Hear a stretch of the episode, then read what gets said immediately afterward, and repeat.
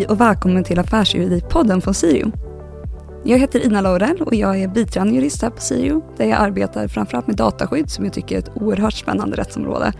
Men jag arbetar även med kommersiella avtal och eh, specifikt energitransaktioner. Och med mig idag så har jag min kollega. Vill du passa på att presentera dig? Ja, men gärna. Mitt namn är Sadeka Nervista och jag arbetar precis som Ina med dataskydd, men även bland annat med immateriell rätt och arbetar också som biträdande jurist här på Siria. Precis. Och det har ju minst sagt varit en spännande period för oss med särskilt intresse för dataskydd, vilket jag tror att Sade kan intyga. Verkligen. Eh, även i Sverige har vi haft allt från IMIs beslut rörande 1177-incidenten, kammarrättens beslut om ansiktsigenkänning i en skola, övervakning av brandmännens omklädningsrum och mycket annat. Men det har dessutom hänt otroligt mycket på EU-nivå. Och de flesta har väl hört talas om det som nästan till blivit årets buzzwords, som SRAMS 2, EDPBs rekommendationer om kompletterande skyddsåtgärder, nya standardavtalsklausuler, Storbritanniens adekvansbeslut. Ja, det är verkligen mycket att hålla koll på här. Mm, ja men verkligen, och just att allt har kommit så tätt inpå också. Bara nu under juni så har vi fått speciellt mycket som rör just tredjelandsöverföringar. Bland annat har vi fått två nya standardavtalsklausuler och hinna studera och gå igenom. Och sen har vi också fått EDPBs rekommendationer. Så det råder ju ingen brist på sommarläsning för den som har ett intresse här. Exakt. Och alla de här olika besluten, rekommendationerna och klausulerna har ju verkligen väckt diskussioner, vilket är superroligt att se. Och det som speciellt har diskuterats är också vad det här faktiskt innebär praktiskt för företag. Och när måste ändringar ske och vilka åtgärder måste faktiskt vidtas? Och det har ju blivit just en särskilt stor diskussion om tredjelandsöverföringar, vilket ju är någonting som verkligen förekommer oftare än vad man kanske eh, många själva är medvetna om. Mm, exakt. Och framförallt i alla typer av verksamheter. Så till exempel så är det en tredjelandsöverföring om det är så att man anlitar en molntjänstleverantör som har servrar utomlands, till exempel i USA. Men det kan också vara inom ett större koncernbolag där man hanterar de anställdas uppgifter av administrativa skäl i tredjeland för att förenkla processen. Men det kan också vara om man till exempel skickar ett dokument som innehåller personuppgifter mellan affärspartner som finns utanför EU eller EES-länderna. Ja, precis. Och visst är det så att begreppet överföringen av personuppgifter till tredje land har getts en väldigt bred definition? Ja, nej men det har ju det. För det är ju så att det klassas faktiskt som en överföring, även om personuppgifterna aldrig faktiskt lämnar servrarna i Europa. Så, att säga. så är det så till exempel att en molntjänstleverantör har så kallad remote support från till exempel Indien, så innebär ju det att de anställda där kan ta del av personuppgifterna från Indien, även om de faktiskt ligger lagrade inom EU. Så det här är det man verkligen måste beakta och tänka på. Just det. Och det finns ju viss diskussion och osäkerhet om tredjelandsöverföringar. Eh, och den här leder ju från Schrems 2-domen som eh, e EU-domstolen meddelade eh, i somras och ogiltigförklarade det så kallade Privacy Shield-avtalet mellan EU och USA. Och det var ju ett så överföringsmekanism som mm. väldigt många företag använde mm. för att kunna lagligt överföra personuppgifter mellan EU och USA. Men där då, ansåg då EU-domstolen att det amerikanska rättssystemet inte säkerställde en tillräckligt hög nivå av skydd för europeiska registrerade personuppgifter. Nej, nej men precis. För huvudregeln inom GDPR är ju egentligen ett så att säga, generellt förbud mot att överföra personuppgifter till så kallade tredjeländer. Och då kan man ju såklart undra vad faktiskt innebörden av ett tredjeland är. Och det är ju alltså alla länder som helt enkelt ligger utanför EU eller EES-länderna. Just det. Men varför har man då särskilda regler för tredjelandsöverföringar? Ja, det är ju en jättebra fråga. Eh, så vi kan försöka dra det lite kort. Och det är, anledningen till förbudet är just egentligen att GDPR säkerställer ju ett likvärdigt skydd för personuppgifter och personlig integritet mellan medlemsstaterna, som då själva är bundna av GDPR. Och det här innebär ju att personuppgifterna kan överföras fritt mellan medlemsstaterna. Men det, det här säkerställs ju inte så fort personuppgifterna skulle lämna EU eller EES-länderna. Och då finns det ju vissa andra saker man måste göra för att säkerställa att rättigheterna och eh, den personliga integriteten får det skydd som GDPR annars skulle säkerställa. Exakt. Precis. Och ett sätt som EU-kommissionen kan göra det här är genom att meddela ett så kallat adekvansbeslut som säger att ett visst tredjeland säkerställer liknande garantier och rättigheter som de som finns inom GDPR annars. Och I så fall så säger de ju med andra ord att det inte är några problem att överföra personuppgifter till det landet. Just eftersom att de har ett liknande skydd som GDPR har annars. Men det kan också vara så att eh, två parter ingår de så kallade standardavtalsklausulerna. Och där innebär det ju alltså att den som överför personuppgifterna från EU, som i standardavtalsklausulerna kallas för uppgiftsutföraren, och den som mottar personuppgifterna i tredje land, och den kallas för uppgiftsinföraren, ingår standardavtalsklausulerna i deras partsrelation, kan man säga i stort. Exakt. Ja, fokus på dagens avsnitt kommer därför vara just eh, tredjelandsöverföringar och de praktiska frågorna som uppstår kring dessa eh, när nu vi börjar implementera de nya standardavtalsklausulerna. Och eh, då kommer vi diskutera vad innebär dessa ändringarna för företag i praktiken? Hur implementeras och efterföljs klausulerna på bästa sätt? Och vi kommer kort beröra även vad EDPBs nya rekommendationer har för betydelse i detta sammanhang. Mm.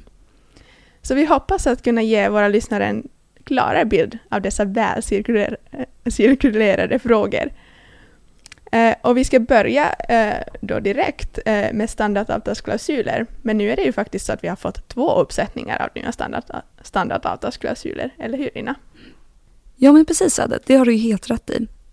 Den 4 juni 2021 så meddelade ju EU-kommissionen att de hade antagit två nya uppsättningar av standardavtalsklausuler. Och det här kommer alltså då att ersätta de tidigare från 2001 och år 2010.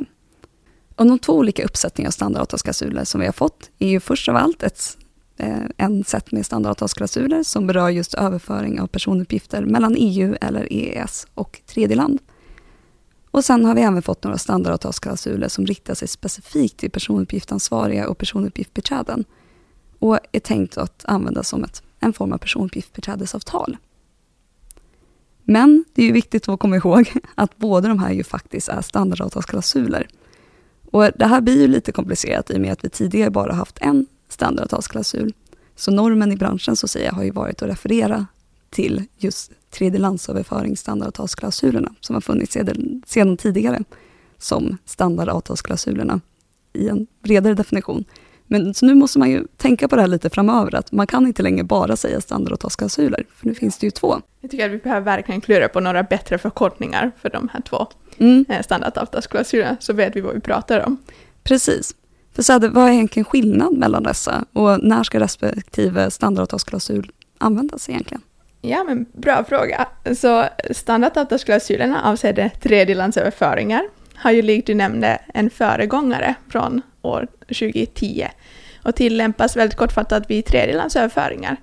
Medan eh, standardavtalsklausulerna är avsedda att användas som ett personuppgiftsbiträdesavtal. Och dessa är helt nya. Vi har inte haft så standard eh, pubavtal tidigare. Så för att kort sammanfatta så måste ett personuppgiftsbiträdesavtal ingås när någon, eh, den som kallas för personuppgiftsbiträde, behandlar personuppgifter åt den personuppgiftsansvariga. Eh, det kan med andra ord vara vid anlitande av molntjänstleverantör eh, till exempel, eller ett marknadsföringsföretag som på uppdrag av företaget skickar reklam eh, till dess kunder och så vidare. Och enligt GDPR så måste det finnas ett personuppgiftsbiträdesavtal på plats mellan den personuppgifts ansvariga och personuppgiftsbiträde. Och eh, personuppgiftsbiträdesavtalet reglerar bland annat att behandlingen endast får ske enligt dokumenterade instruktioner från den personuppgiftsansvariga. Mm, just det. Men så vad blir då de praktiska konsekvenserna om vi nu ska fokusera på just den praktiska delen av de här nya standardavtalsklausulerna? Eller personuppgiftsbiträdesavtalet, om man nu ska kalla det för det. När, måste de tillämpas eller kan parterna välja själva? Nej, så standardavtalsklausulerna för ett personuppgiftsbiträdesavtal behöver inte användas. Men de kan ju underlätta arbetet med att ta fram en mall för ett pubavtal. Till exempel när det gäller mindre företag som kanske inte har en mall. Mm. Um, så det finns inget krav på att använda dessa klausuler och det finns inte heller några hinder för att kombinera dessa klausuler med ett mer omfattande avtal, så länge avtalet inte strider emot standardklausulerna såklart. Eh, så man ska vara uppmärksam på det här att man inte får ändra standardklausulerna om man väljer att använda dem, utan bara tillägg är tillåtna. Mm, precis. Så för att sammanfatta kan man då alltså säga att om man väljer att tillämpa de här helt enkelt helt nya standardavtalsklausulerna som är tänkta att kunna användas som ett personuppgiftsbeträdesavtal, så är det viktigt att man inte ändrar i de här, eftersom att de nu återspeglar GDPRs krav på vad ett personuppgiftsbiträdesavtal ska faktiskt innehålla. Så låter det i och för sig logiskt, eftersom att avvikelse hade inneburit att det inte hade varit fullt förenligt med GDPR med största sannolikhet. Men det finns ju med andra ord inget hinder från att lägga till klausuler. Så um, det kan ju till exempel behövas för att anpassas utifrån den specifika kommersiella relationen eh, som parterna har sinsemellan. Och det kan ju vara allt från till exempel definitionerna eh, av de olika begreppen som kan vara bra att ha med sig, som annars ju såklart återges i GDPR, men vi tenderar ju att se att många skriver in de här i avtalen eh, för enkelhetens skull.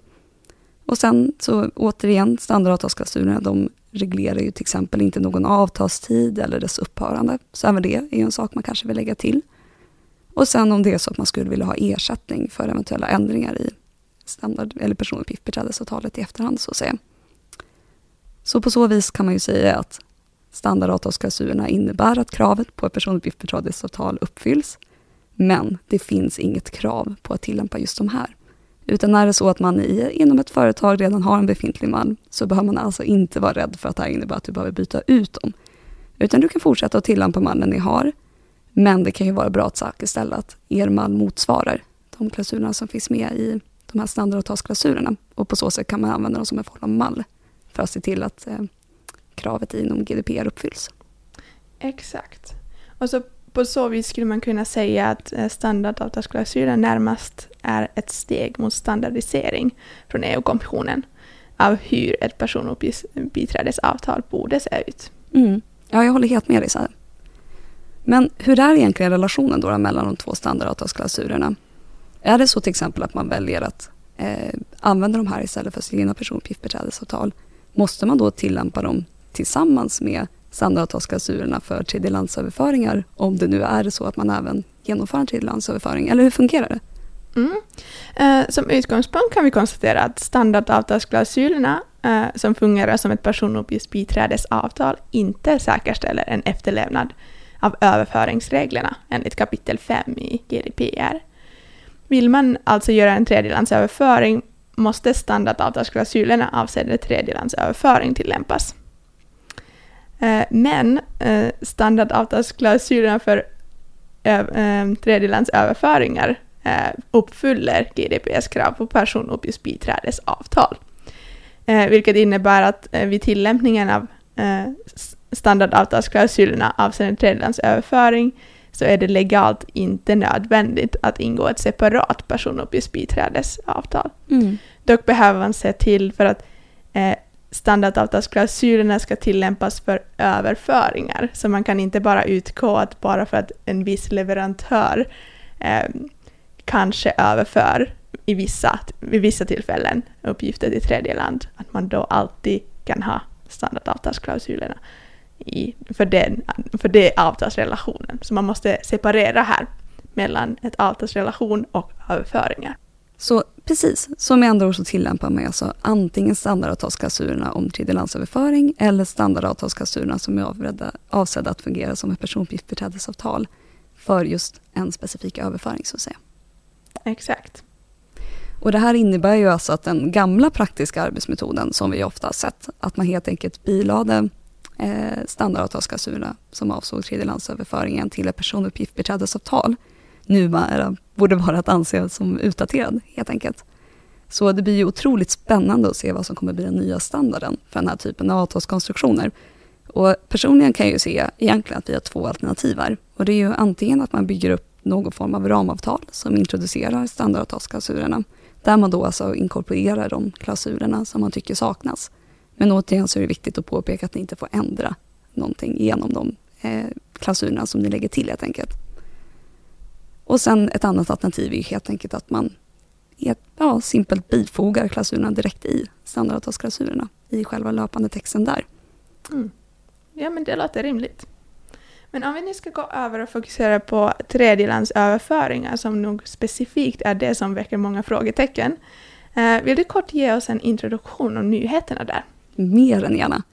Jag tänker att det första som är viktigt att ha med sig, det är de olika tidsperioderna nu, som vi måste ha lite särskild koll på och kanske till och med lägga in i våra kalendrar. Och det är ju först av allt att de här nya standardavtalsklausulerna för just tredjelandsöverföringarna, de trädde precis som eh, den som är avsedd att användas som ett personuppgiftsbiträdesavtal i kraft den 27 juni 2021. Men eftersom att de här nu då bygger vidare på en tidigare variation, så har företaget gett en 18 månaders övergångsperiod. Och det här har delats in i olika etapper, kan man säga på sätt och vis. Och det är då att fram till och med den 27 september i år, så kan företag fortsätta att välja om de vill ingå med de gamla standardavtalsklausulerna eller de nya. Men efter den 27 september så måste alla nya avtal ingås med de nya standardavtalsklausulerna. Men är det så då att man redan har ingått med de gamla standardavtalsklausulerna innan den 27 september, med andra ord, så får de här fortsätta tillämpas om det är så att behandlingarna som är föremål för, övertalet, äh, föremål för avtalet förblir oförändrade och om de omfattas av lämpliga skyddsåtgärder. Och det här kan man då fortsätta med fram till den 27 december 2022. Men sen upphävs de ju alltså helt. Så det innebär att alla personuppgiftsbiträdesavtal eller liknande som man har ingått med den gamla variationen av standardavtalsklausulerna måste ha hunnit förhandlas om innan den 27 december nästa år. Och det här kan vi inse rätt så fort då, att det innebär ju att vi kommer behöva börja processen tidigt. För som vi kommer visa det senare nu under avsnittet också, så är det ju en hel del som ska göras och det är inte bara att byta ut bilagan, som kanske många tror. Exakt, och verkligen, jag håller med. Eh, att trots att man nu har fått den här övergångsperioden så är tiden knapp och vi kan inte annat än att rekommendera att ta tag i detta projekt så snabbt som möjligt. För att många företag har ju en mängd leverantörer och eh, personuppgiftsbiträdesavtal på plats som hänvisar till de gamla klausulerna. Och här tycker jag det är viktigt att verkligen återigen uppmärksamma att, som Ida du redan var inne på, um, det här projektet inte handlar om bara att ersätta de gamla klausulerna med de nya.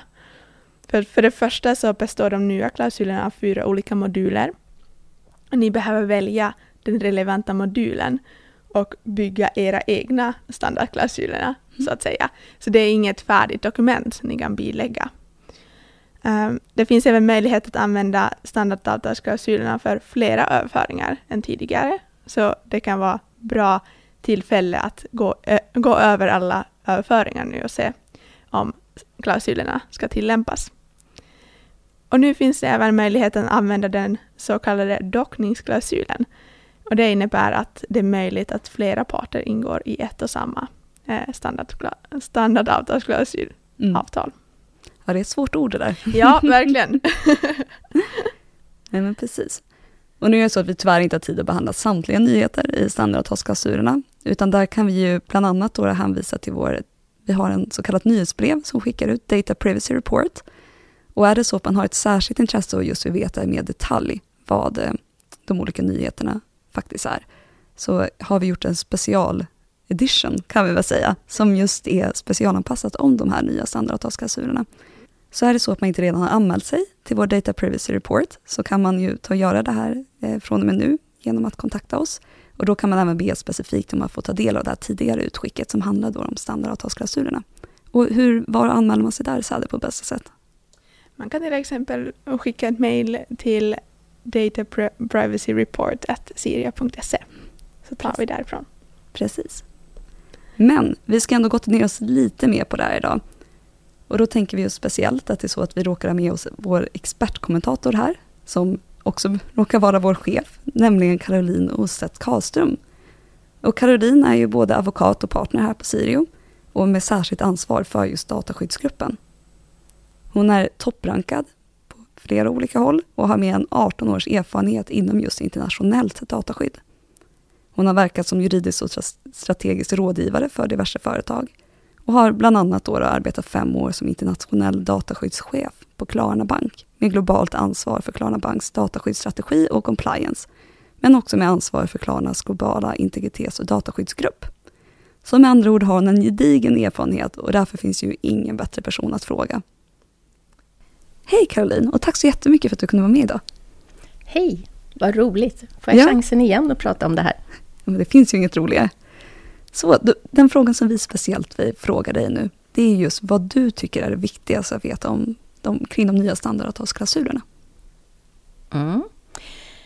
Eh, man kan ju se det här på olika sätt. Eh, antingen så kan man gå in och börja titta på olika detaljer och försöka Eh, just eh, läsa sig till, börja fokusera redan på de olika aspekterna och det som följer utav bestämmelserna i avtalet. Men det är också så att det är eh, viktigt att lite mer överordnat kanske titta på det här och se att det är ju nu egentligen nästan ett regimskifte som, som ligger framför oss.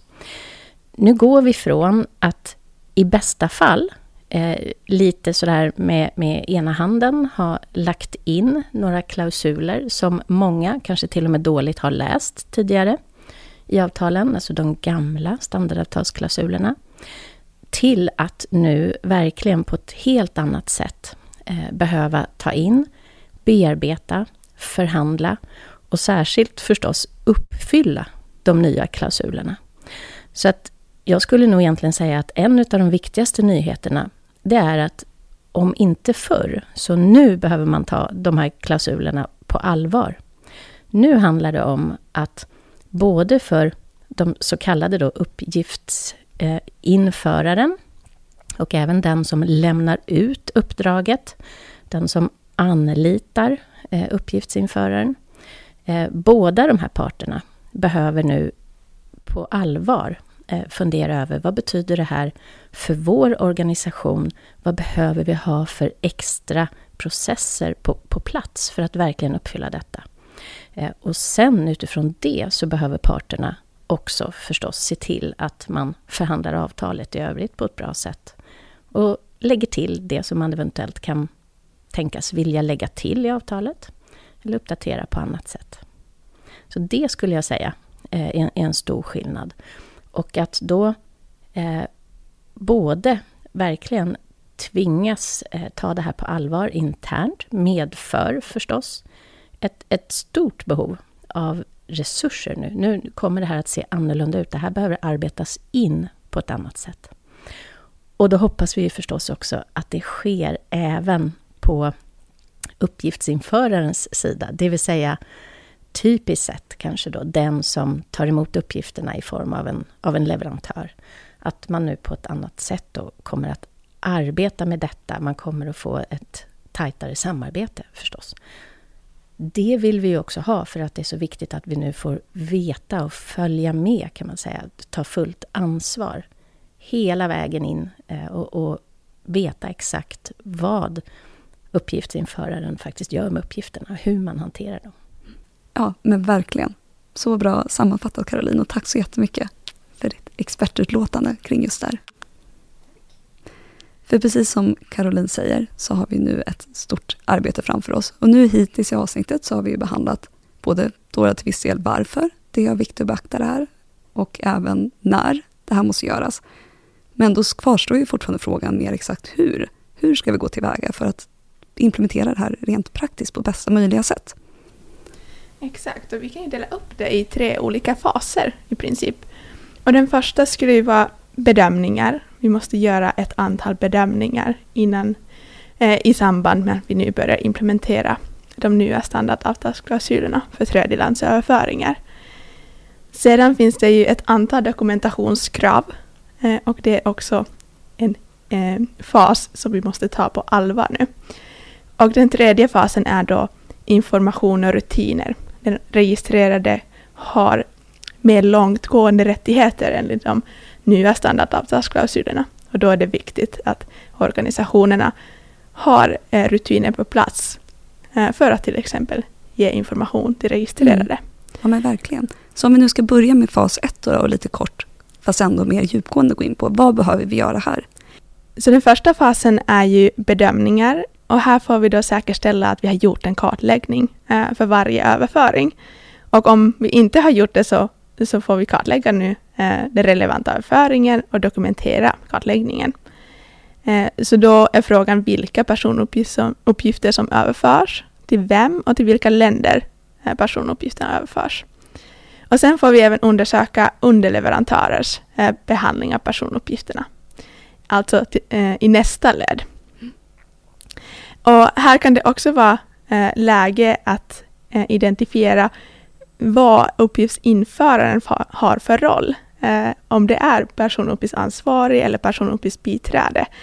Och även fast man troligen har gjort någon typ av bedömning redan innan så kan det vara eh, läge nu att se till att man har gjort rätt bedömning. Precis, för det där får ju betydelse vid valet av modul sen också. Så det är Exakt. ju jättebra att ha kartlagt det redan tidigt. Här behöver man verkligen resurser, man behöver vara tidigt ute. Eh, det här är ju någonting sen som man behöver ta med sig och arbeta vidare med. Och har man inte redan den här mer explicita kartläggningen på plats, eh, vilket kanske inte alla har, eh, så, så måste man snabbt få det jobbet gjort. Mm. Och ni har ju redan här beskrivit just också hur, hur, hur tidsperioderna ser ut hur kort om tid vi har. Så att den här mm. arbetsströmmen behöver verkligen komma igång. Mm. Verkligen. Och det var ju bara den första uppgiften på vår lista här. För att sen måste vi ju också eh, identifiera den rättsliga grunden för överföringen. Eh, och det kan ju finnas ett adekvat eh, skyddsnivå enligt EU-kommissionens adekvansbeslut. Ehm, eller i vissa fall ett undantag enligt artikel 49 eh, GDPR. Eh, och i så fall behöver ju inte standardavtalsklausulerna tillämpas. Men i många fall är det nödvändigt. Mm. Eh, och då blir frågan att, eh, om ni kan använda standardavtalsklausulerna. Och det är också en bedömning eh, man ska göra. Tänket. Precis. Och sen en annan bedömning man måste göra är också att undersöka om det är så att det finns någonting i tredje landets lagstiftning eller praxis som kan komma att påverka effektiviteten av standardavtalsklausulerna. Och här är det också viktigt att man framförallt dokumenterar sin bedömning. För här det kommer ställa stora dokumentationskrav. Och det framförallt man ska beakta då kan man säga i stora drag är just om offentliga myndigheter i det mottagande tredje landet kan misstänkas vilja och eller ha möjlighet att faktiskt komma åt de överförda personuppgifterna. Så för att undersöka det här på bästa sätt så, brukar, eller så står det med i EDPBs rekommendationer som just kan vara ett bra hjälpmedel för att göra bedömningen. Att man måste beakta lagstiftning, förfaranden, praktisk erfarenhet men också tekniska, ekonomiska och mänskliga resurser som står till offentliga myndigheternas förfogande. Så bedömningen ska också ta hänsyn till alla inblandade aktörer så kort och gott märker vi verkligen här vilken stor nivå och stora krav som ställs på den här bedömningen. Mm. Och, och, eh, har man inte kämpat med det här förr så, så nu, nu börjar, det, börjar man se lite utmaningar. Men här kan vi väl då lägga till att som till exempel Eh, om man inte har gjort det tidigare så, så eh, nu kan det ju vara dags att vända sig till eh, branschorganisationer och motsvarande. Mm. Eh, det här är ju en, en väldigt stor uppgift. Man måste ta den på allvar. Eh, och eh, det är förstås, precis som du sa, det är viktigt att här, inte bara att man gör den här bedömningen, men här, här behöver man en dokumentation ordentligt. Och man behöver vara medveten om att den behöver anpassas till det specifika förhållandet och specifika situationen. Eh, vi, vi, kan inte riktigt eh, arbeta med att bara eh, så att säga, eh, ta kopior eh, eller göra en enkel bedömning en gång för alla som appliceras på alla möjliga olika situationer. Utan man måste se till det specifika fallet. Men tipset är väl just att se till att man arbetar med till exempel branschorganisationer och andra som har möjlighet att, att just eh, både kanske lite större resurser vid behov men också kunna ta sig an då typfall på ett annat sätt. Precis. Och efter att man har gjort den här bedömningen, då kan man egentligen komma fram till två olika slutsatser. Så antingen kommer man ju fram till att effektiviteten inte påverkas och i så fall behöver inga ytterligare åtgärder vidtas på just den här delen. Men är det så att man kommer fram till att effektiviteten faktiskt kan påverkas så har man ju egentligen tre olika alternativ då. Och det är ju för det första att helt enkelt se om det finns en möjlighet att upphöra med överföringen. Bland annat genom att kolla på eventuella andra alternativ som kanske kan finnas till förfogande. Det andra alternativet är ju att man vidtar ytterligare kompletterande åtgärder. Och det kan ju bland annat vara pseudonymisering eller kryptering och liknande.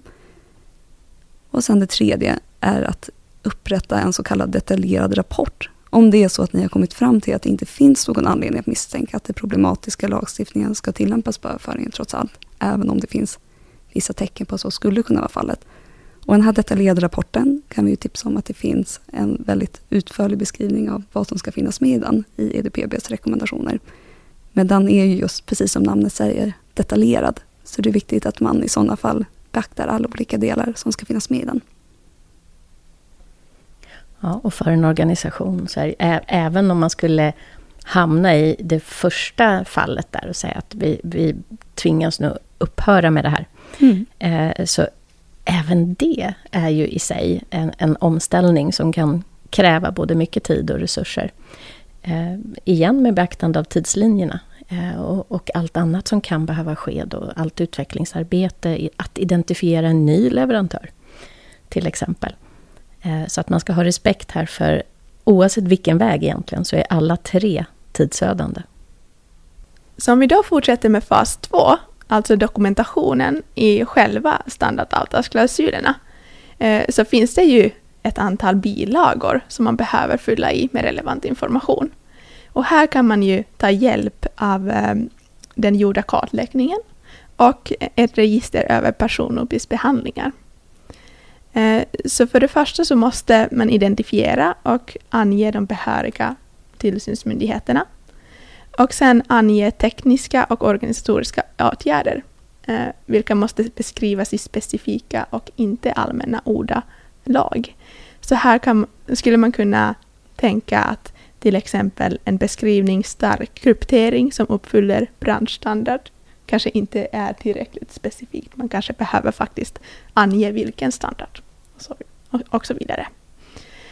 Sen finns det även övriga val i standardavtalsklausulerna eh, som man behöver eh, fatta beslut om. Eh, ska en dockningsklausul inkluderas, alltså kommer det vara möjligt för flera parter att ansluta sig till avtalet eh, i senare tillfälle.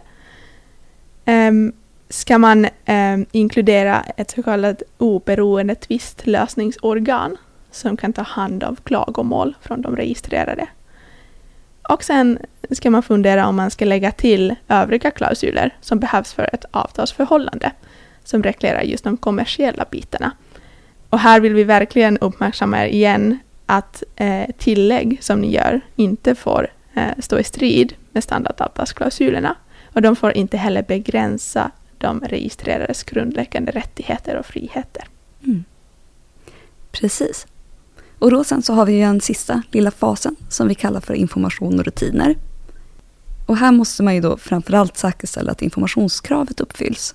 För det som är viktigt att veta med sig här är ju också att standardavtalsklausulerna har en mer långtgående informationskrav än vad som tidigare funnits endast från GDPR.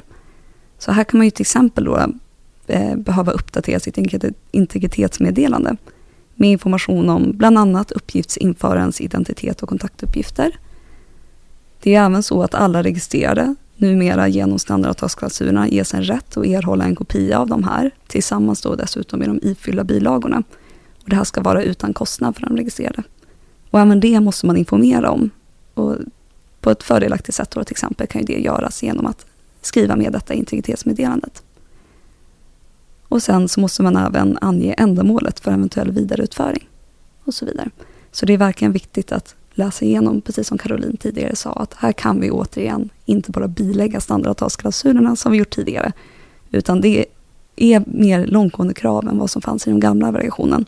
Så här är det viktigt att vi identifierar dem och ser till att uppdatera även eh, vår information utifrån dessa. Exakt. Och, och som sagt, de registrerade har nu getts mer långtgående rättigheter. Och vi kan ju förvänta oss att vi eller organisationerna kommer motta ett antal begäran om information och liksom utövanden av de, dessa rättigheter. Och därför är det ju särskilt viktigt att ni har rutiner på plats för att kunna hantera dessa begäran. Och till exempel eh, så är det bra att uppdatera rutiner för hantering av registrerades åberopande av klausulerna. Eh, till exempel vid begäran om att tillhandahålla kategorier av mottagare Eh, eller begäran om att få en kopia av standardavtalsklausulerna tillsammans med bilagor. Eh, och då är det ju bra att veta vem som ska ta hand om det här när en sådan begäran kommer in. Mm. Och att man kan också hantera det här direkt. Eh, och, och, vi kan ju lägga till här också då innan någon har, har satt i halsen alldeles här ute i organisationerna nu att det finns ju också en möjlighet här då att om man ser att om någon anledning ligger en eller annan företagshemlighet här eh, dold i den här dokumentationen så finns det en möjlighet att kunna hantera det innan.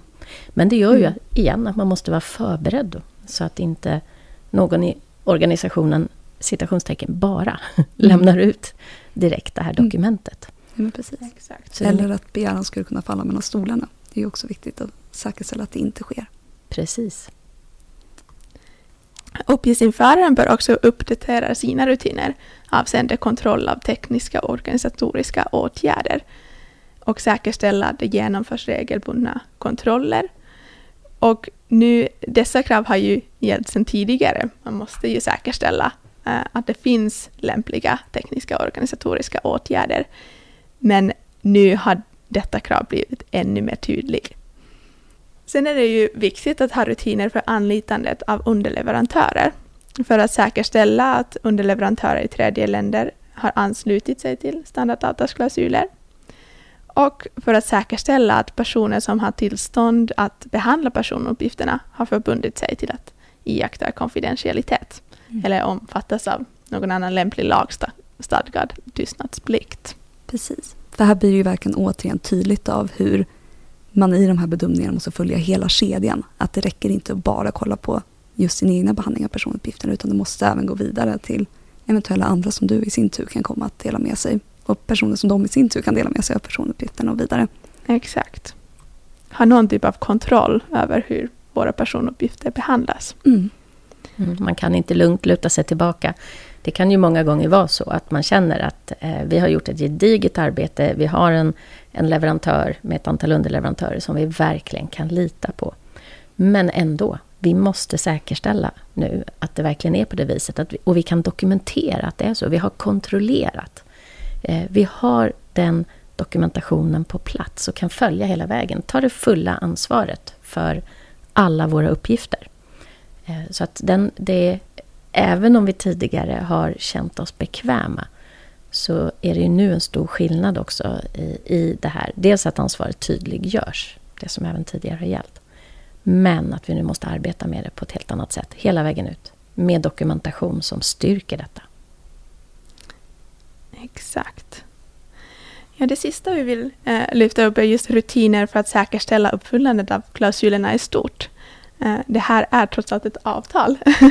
och då är det viktigt att vi har korrekta och uppdaterade personuppgifter. Eh, att det finns en bra kommunikation mellan uppgiftsutförare och uppgiftsinförare. Att vi har koll på lagringstider. Och eh, vi vet hur ska vi hantera till exempel personuppgiftsincidenter. Dessutom ska vi säkerställa uppfyllandet av klausulerna i stort. Eh, till exempel att vi har korrekta och uppdaterade personuppgifter. Att det finns en bra kommunikation mellan uppgiftsutförare och uppgiftsinförare. Att vi har koll på lagringstider. Och eh, att vi vet hur vi ska hantera personuppgiftsincidenter och mm. så vidare.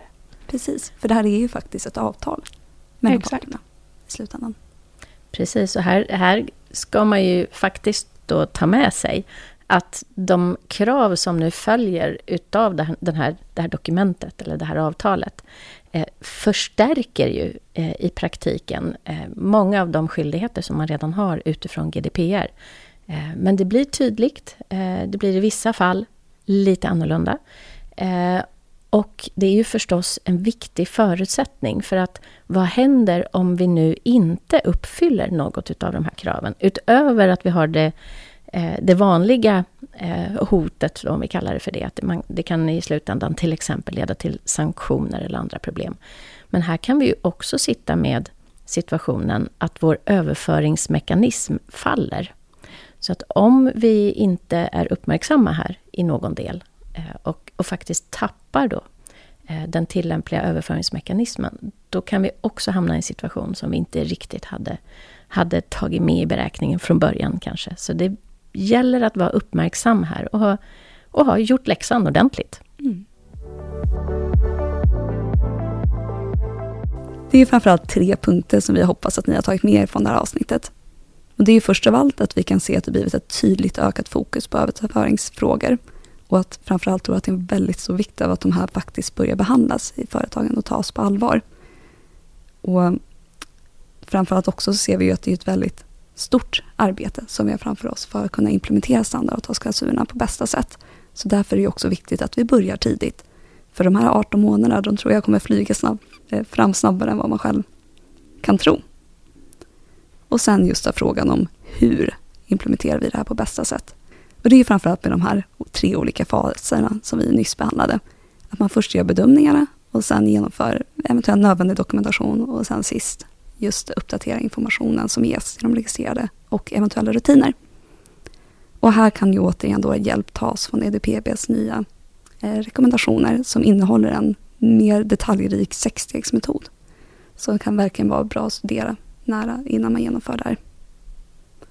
Och sen vill vi återigen påminna också om att de registrerade har ju fått ökade rättigheter. Och det är ju därför väldigt stor vikt just att implementera de här i era nuvarande rutiner och information som ges. Ja, så vi kanske kan passa på att skicka med här då att eh, om vi tänker på det här gamla kinesiska talesättet att eh, den bästa tidpunkten att plantera ett träd, det var för 30 år sedan. Men den näst bästa tidpunkten för planteringen av det här trädet, ja det är ju förstås nu. Så det finns helt enkelt eh, inget att vänta på, eh, utan kavla upp ärmarna, ta tag i det här och se till att etablera tillräckligt med arbetsströmmar kan man säga eh, internt. För här kommer det att gå åt eh, projektplanering, eh, resurser, och möjlighet att faktiskt genomföra de här ändringarna som det kommer att betyda in, internt för att kunna hantera de här frågorna. Om man i sin organisation arbetar på ett eller annat sätt eh, med personuppgifter då, så att det innebär en överföring till tredje land. Verkligen. Med de fina orden så vill vi tacka för att ni har lyssnat idag. Tack för idag. Tackar. Thank you.